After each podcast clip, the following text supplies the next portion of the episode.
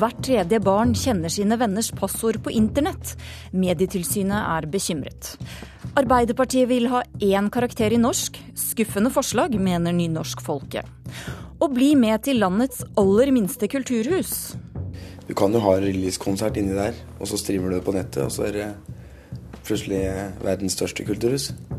Ja, det sa bluesgitarist Amund Mårud. Velkommen til Kulturnytt i NRK P2, der vi også skal innom Kapittelfestivalen i Stavanger. Og der skal Jon Fosses siste roman synges. Men først. Hvert tredje barn i Norge kjenner til de personlige passordene til én eller flere venner. Det er første gang slike opplysninger kartlegges, og resultatene av undersøkelsen bekymrer Medietilsynet. Forteller det til bestevennen min ganske ofte. Og sånn, bare i tilfelle noe skjer, så kan hun i hvert fall passordet mitt, og så kan hun sjekke Facebooken min og sånt. Ofte forteller jeg det kanskje til venninnene mine, men egentlig ingen andre, for jeg stoler på det, og de går ikke inn og hacker brukeren min eller noe sånt. Barna i 7A på Bestum skole i Oslo deler sine passord til sosiale medier og online-spill med sine næreste venner.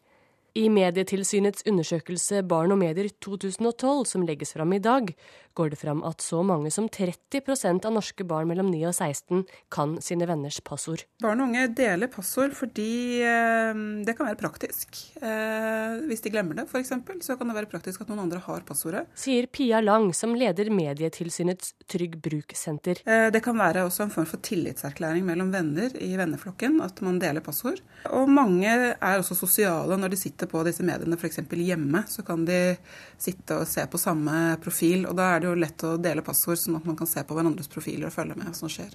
Er det derfor? Jeg tenker mer at uh, det er fordi ofte så når det er hjemme hos meg, så vil jeg gjerne f.eks. gå på iPaden eller noe sånt. Så gidder jeg ikke helt inn å skrive koden, så da bare sier jeg hva koden er, og så kan dere gå inn. Mm. Det er litt praktisk også? Ja, samme det. Mm. Kanskje dere sitter sammen når det er på dataen? Ja. Å dele passordet er aldri lurt, verken for barn eller voksne. Vi pleier å si at passordet ditt det er omtrent som en tannbørste. Det er, eh, det er privat, og du skal ikke dele det med noen. Pia Lang i Medietilsynet sier at selv om norske barn stort sett har godt nettvett, er de slepphendte med passordene. Og at det kan få konsekvenser. Det de gjør, er mange ganger å liksom gå inn på noen andres konto. Og så eh, sender de ut f.eks. slemme meldinger til andre, eller det kan være å avsløre veldig personlig informasjon, sende ut noen teite bilder kan være sånn som det. Og I tillegg så kan man jo faktisk bli utsatt for, for alvorlig identitetstyveri. Altså, Jeg har hatt en kompis som liksom har gjort sånn face-raping. Som er så at man skriver sånne ting på Facebook som er jævlig kleine. Men det var bare tøys da for noen tester meg som sa det med en gang han hadde gjort det. Så fikk jeg slettet det. Av undersøkelsen går det også fram at barn ønsker mer info fra foreldrene sine. Det betyr at, eh, at foreldrene har en jobb å gjøre. Man må legge vekt på årsakene til at eh, passord ikke skal deles. Altså At det kan bli misbrukt av andre, og at man utsetter seg for, for mobbing eller for uh, facerape eller for uh, identitetstyveri. Om noen har brukt ditt passord og skrevet noe på nettet i ditt navn, finnes heldigvis nettjenesten slettmeg.no. Christian Meyer, som leder tjenesten, sier at de ser flere slike tilfeller blant barn enn blant voksne. Jeg tror at de oppfatter det ofte som en del av denne leken som Moviestar Planet og slike typer sosiale medier er. Så, men det er veldig viktig da at vi får denne holdningen fra dem før de begynner å bevege seg over i de voksnes rekker, og plutselig da gi bort nøkkelen til nettbanken og tilsvarende ting. Men barna i 7A forteller om varierende praksis også i foreldregenerasjonen. Jeg kan mammas passord på sånn Apple-ID på iPhone, så jeg kan liksom laste ned hva jeg vil, men jeg gjør ikke det for det. Jeg kan også det, men pappa får melding hvis jeg laster ned ting som jeg ikke får lov til. Så det er kanskje ikke så lurt. Reporter var Ina Strøm.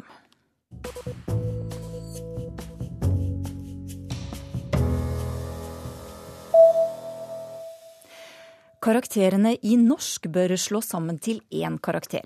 I tillegg bør det holdes bare én norskeksamen, der elevene blir testet i både nynorsk og bokmål. Det er to av forslagene som kommer i Arbeiderpartiets forslag til nytt partiprogram. Og Trond Giske fra Arbeiderpartiet, du er leder for arbeidsgruppa som bl.a. har sett på norskfaget. Hvorfor vil dere slå sammen eh, målformene? Vi mener at det er hensiktsmessig å ta de to skriftspråkene våre under ett. At elevene skal ha begge språk, begge skriftspråk i pensum, mener vi er helt åpenbart. Vi er veldig uenige i dem som foreslår, Høyre har gjort det nå senest, at sidemål skal være et valgfag. Dette må være en naturlig del av pensum og en selvfølgelig kunnskap for alle elever. Men vi mener at eh, man bør ha én norskkarakter, og at sidemålet utgjør en prosentandel av den karakteren, både gjennom pensum og gjennom eksamen. Ja, og Dere vil ha én felles eksamen for begge målformene. Hvordan skal det foregå i praksis? Ja, Det kan foregå på den måten at man har flere oppgaver, og at en del av eh, oppgaven skal besvares eh, på sidemålet til den enkelte elev. Og jeg tror også eh, det fører til en større forståelse for eh, de to skriftspråkene, både likheter og forskjeller.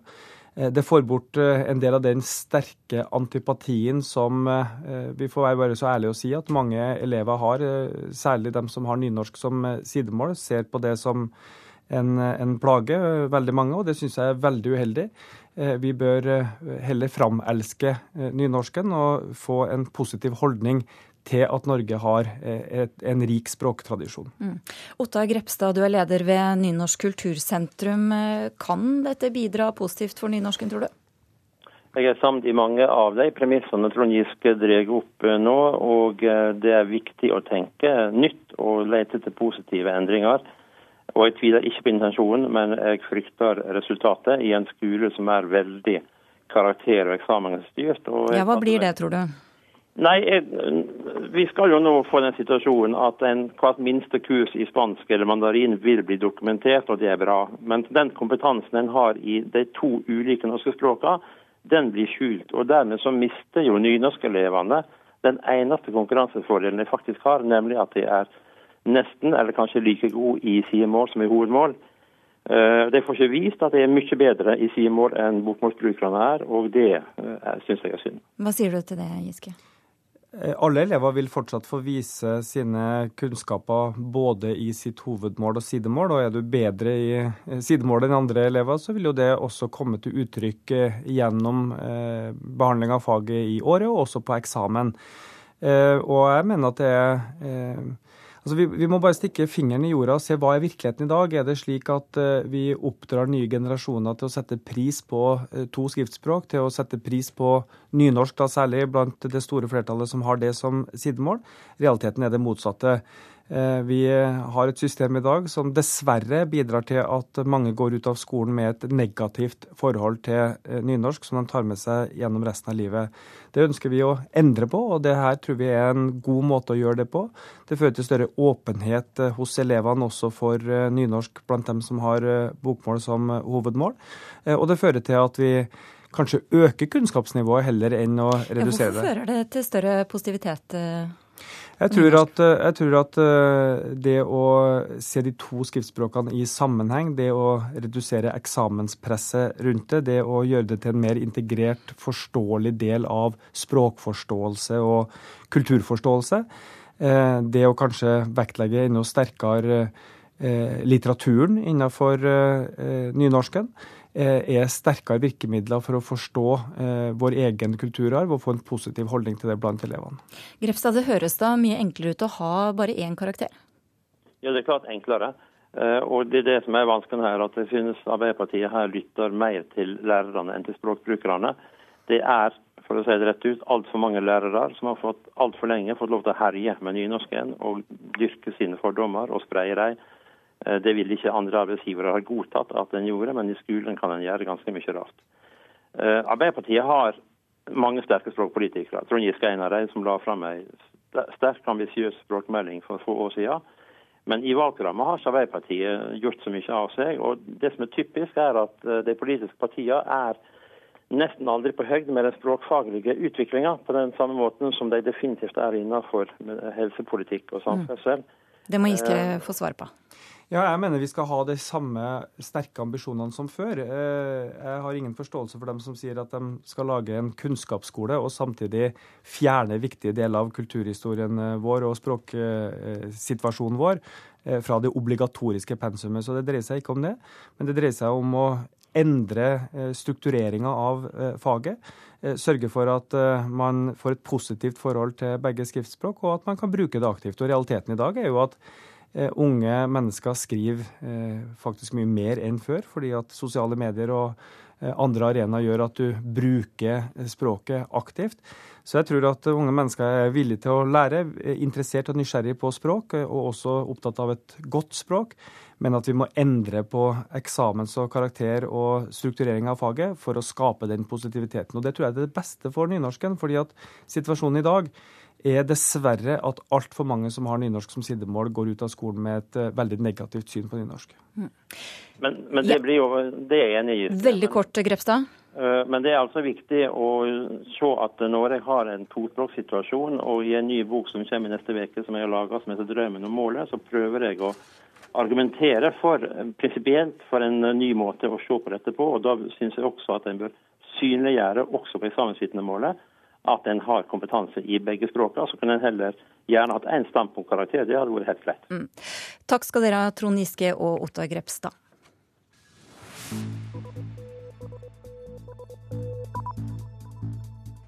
Klokka er kvart over åtte, du hører på Kulturnytt, og dette er toppsakene i NRK Nyheter akkurat nå. Brannvesenet har kontroll over gasslekkasjen i Bergenshallen. Og Arbeiderpartiet vil stoppe eksport av norske trygdeordninger. Polakker må nøye seg med trygd etter polsk prisnivå, sier Hadia Tajik. Og senere i Kulturnytt, Salman Rushdies memoarbok 'Joseph Anton' er vanskelig å komme utenom, litt uimotståelig og litt for lang, mener vår anmelder.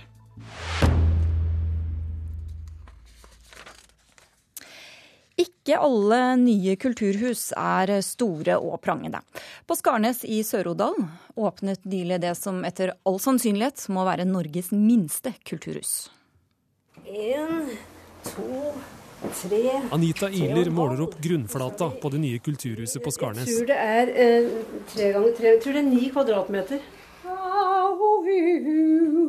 Ja, men det tror han er bra, ja. ja. Det tror jeg faktisk. De er fornøyd med akustikken i det lille kulturhuset. Anita Ihler og Nils Oskar Ottesen. Altså, Vi har ikke noe kulturhus i Odalen. Og da fant vi ut at det, det, måtte jo være fint å ha verdens minste kulturhus. De to kulturinteresserte odølingene var lei av at Sør-Odal kommune ikke har sett seg råd til å bygge nytt kulturhus.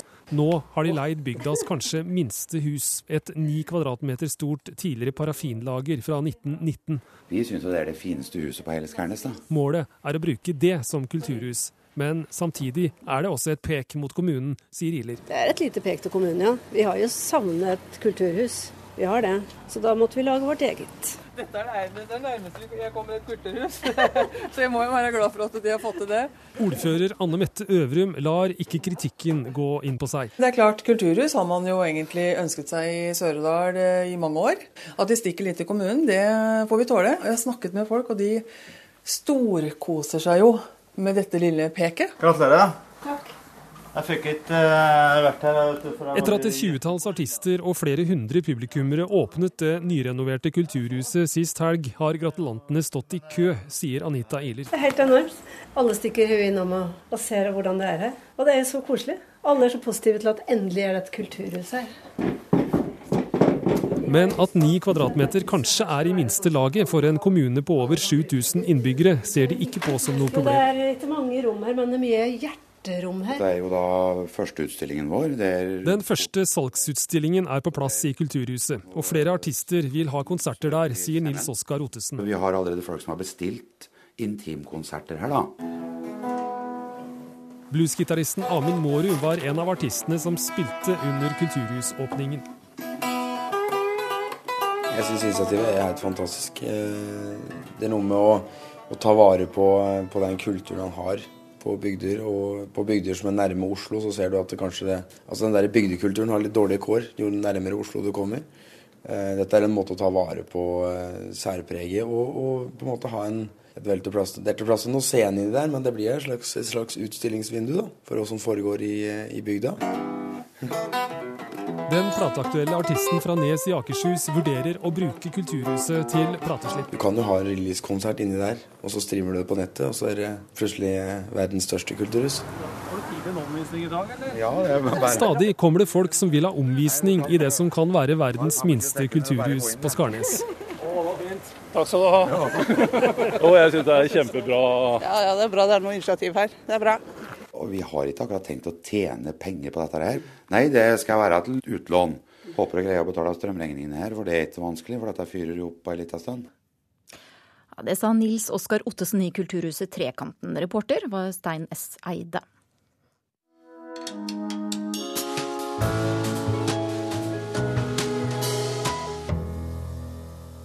Very few novelists have to learn how to fight a global political campaign. You know, it's, it's, not, uh, it's not part of your normal skill set.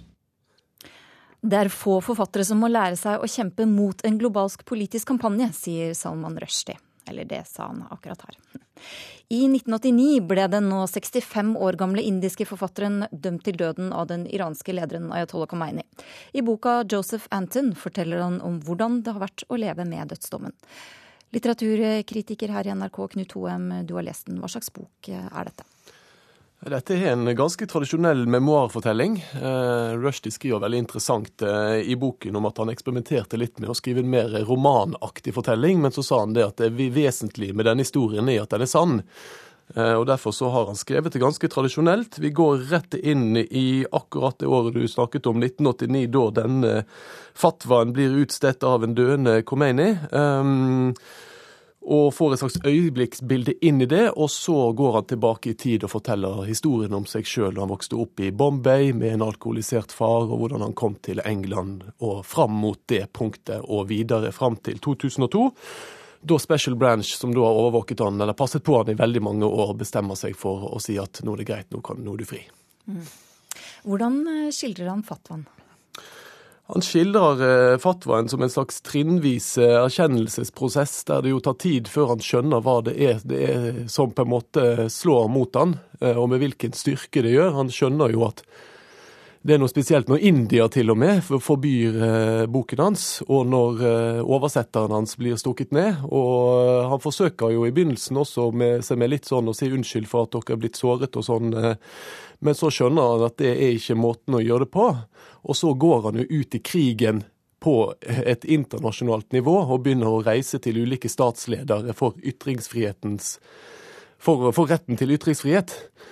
Og eh, det er jo interessant å følge den, eh, den, prosessen, og ikke minst følge de rundt han og hvordan de reagerer. Noen reagerer feigt, andre reagerer modig, og sånn er det jo også blant de politiske lederne. Noen reagerer feigt, andre reagerer modig. Mm. Hva med attentatet på Nygård? Jo, det er skildret ganske kort. Eh, eh, og det er vel ikke sånn at Rushdie vet noe om dette som ikke eh, på en måte er blitt utredet i bøker tidligere. Men det er jo en litterær skildring av en forlegger som står i på Oslos vestkant og oppdager at hjulet hans er gått i stykker. Og så velger han å ikke reparere det selv, og dukker ned på en måte som gjør at de tre skuddene ikke treffer ham på en dødelig måte. Men Nygaard er skildret som en helt i denne fortellingen. En som eh, var eh, prinsipiell på ytringsfrihet med en gang, og som fra sykesengen sier det at eh, ringer Rushdie og sier at nå trykker vi et, pocket ut, et nytt pocketopplag av sataniske vers. Så i, i ja, Rushdie er veldig god til å skildre personer som romanfigurer. Noen av de blir karikaturer, noen av de latterliggjør han på det groveste. Men Nygaard kommer godt fra det. Mm. Så oppsummert, hva vil du si? Er det en bok du vil anbefale? Dette er en vesentlig bok. Eh, for, for, fordi at den som på et tidlig tidspunkt viste den verdensomspennende konflikten mellom Vesten og islam. Altså I 1989 så var vi mer opptatt av at muren skulle falle, enn at islamistiske terrorister skulle begynne å herje. Den viser hvordan eh, konflikten går mellom de som eh, er prinsipielt for ytringsfrihet uansett, og de som forsøker å forstå de sårete følelsene på, på den andre siden. Og i disse dager med de konfliktene som, eh, som skjer rundt eh, dokumentarfilmer nå, så er det liksom helt på samme sted. Så er boken for lang. Eh, livet til Rushdie blir eh, på en måte litt mer uspektakulert når eh, han ikke blir passet på, når han ikke er dødstruet lenger. Eh, og da flater boken ut. Men det ligger litt i sakens natur at når du skriver en memoar, så er det lett for å bli litt selvopptatt og litt for langt, og det er det også her. Men av de bøkene i den sjangeren jeg har lest i det siste, eh, så er dette helt klart den, den morsomste. Mm. Så hvem er den for, eh, vil du si? Denne får alle som, eh, selvfølgelig for alle som er interessert i Rushdies forfatterskap, og det er jo mange som er. Og så er den for alle som eh, er opptatt av eh, nyere samtidshistorie fra 1989 og utover. For det er det fatwaen og dødsdommen og livet med det fyller 500 av denne boken 600 sider. Takk skal du ha, Knut Hoem. I kveld åpner Kapittelfestivalen for litteratur og ytringsfrihet i Stavanger. Årets festivaltema er arr, og i den anledning har festivalsjefen hentet fram Jon Fosses siste roman, 'Olavs draumar'. Og den skal rett og slett synges på festivalen. Og Hun tar han opp, og hun vogger han. Hun står der med han mot brystet, og hun vogger han att og fram. Og han gret og gret, og hun vogger han att og fram. Og ikke gråta du, ikke gråta du, gode gutten, sier hun. Att og fram vogger hun han, og ikke gråta du, gode gutten, sier hun. Du, du Jeg hadde lyst til å gjøre noe som som passer til kapittelformatet. Altså det å fremheve litteraturen og teksten. Ikke dramatisere det, men å synge det opp. Det var kapittelsjef Espen Røsbakk som hadde ideen om å sette opp en scenisk versjon av Jon Fosses siste roman 'Olavs draumar' som bestillingsverk i år. Anders Dale og resten av det lille ensemblet er i gang med prøver før morgendagens forestilling i Konserthuset i Stavanger. Så hører han seg si at det kanskje er best om de fra nå av sier at han heter Olav og ikke Asle. Og Alida spør hvorfor det, og han sier at han bare tror at det må være det tryggeste. Det er en bok med ganske heftige arr. Det er oppfølgeren til Andvake, der eh, det oppstår et sår, et stort brudd og en stor kjærlighet og et stort traume. Og så skal det leges, og synd skal sones i uh, Olavs drømmer. Så det er et stort, stort arr som er present i denne boka. Så var det altså det er rett og slett en Oi sann, beklager. Ja, det er travelt å være sjef for en litteratur- og ytringsfrihetsfestival med over 100 arrangementer. Alle skal spinne rundt temaet arr denne gangen. Arr ble tema i år eh, bl.a. for å få mulighet til å diskutere hvordan vi eh, som kulturnasjon tar oppgjør med store traumer. Det er jo året etter 22.07, så klart. Så går det igjen i all type litteratur fra, fra tidenes morgen. Du og jeg skal klare oss. Du, du og jeg og Vesle Sigvald Åsta Olavik, alt går godt. Alt går godt. Det er et eller annet imellom en lesning og en, en synging. Og Det er derfor også det kalles å synge Olavs draumar. Det sier komponist Henrik Helstenius, som setter opp Olavs draumar sammen med regissør Mette Arnstad. I korte trekk så handler det om Olav. altså Han går fra sitt, eh, sitt bo, der hvor han bor, sammen med sin uh, Alida og sin lille sønn, uh, inn til Bjørgvin for å kjøpe seg en ring. Og så viser det seg, når han kommer inn her, så viser det seg at han faktisk da han har tatt livet av noen tidligere, og det må han bøte for ved sitt eget liv på slutten av fortellingen. Og så er det jo klart uklart om dette egentlig er, er det en drøm, eller er det ikke. Så det er jo kanskje noe av det vi har kunnet undersøke med denne formen. Og så framføre han med vesle signal mot brystet. Improvisasjonssangerne Silje Aker Johnsen og Ruth Wilhelmine Meyer liker godt å jobbe med Fosses punktumløse tekst. Det er jo veldig musisk tekst. Det, det, er, som å, det er som om det er tilpassa pusten. Det er nesten som om han har sagt det når han skriver det, for det er akkurat som det puster med din egen pust. Uh, og, og, der er John Fosse helt spesiell. Så ikke gråter du, alt blir godt. Så, men altså, Det er en musikalsk tekst, men vi har musikalisert den på en måte ytterligere.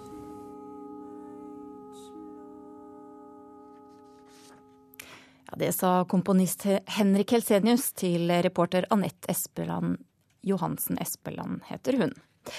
Det var Kulturnytt. Vi er tilbake i P2 klokka 16.30 i ettermiddag. Ansvarlig for sendingen Halvor Haugen, teknisk ansvarlig Hisse Tosterud. Jeg heter Elisabeth Onsum.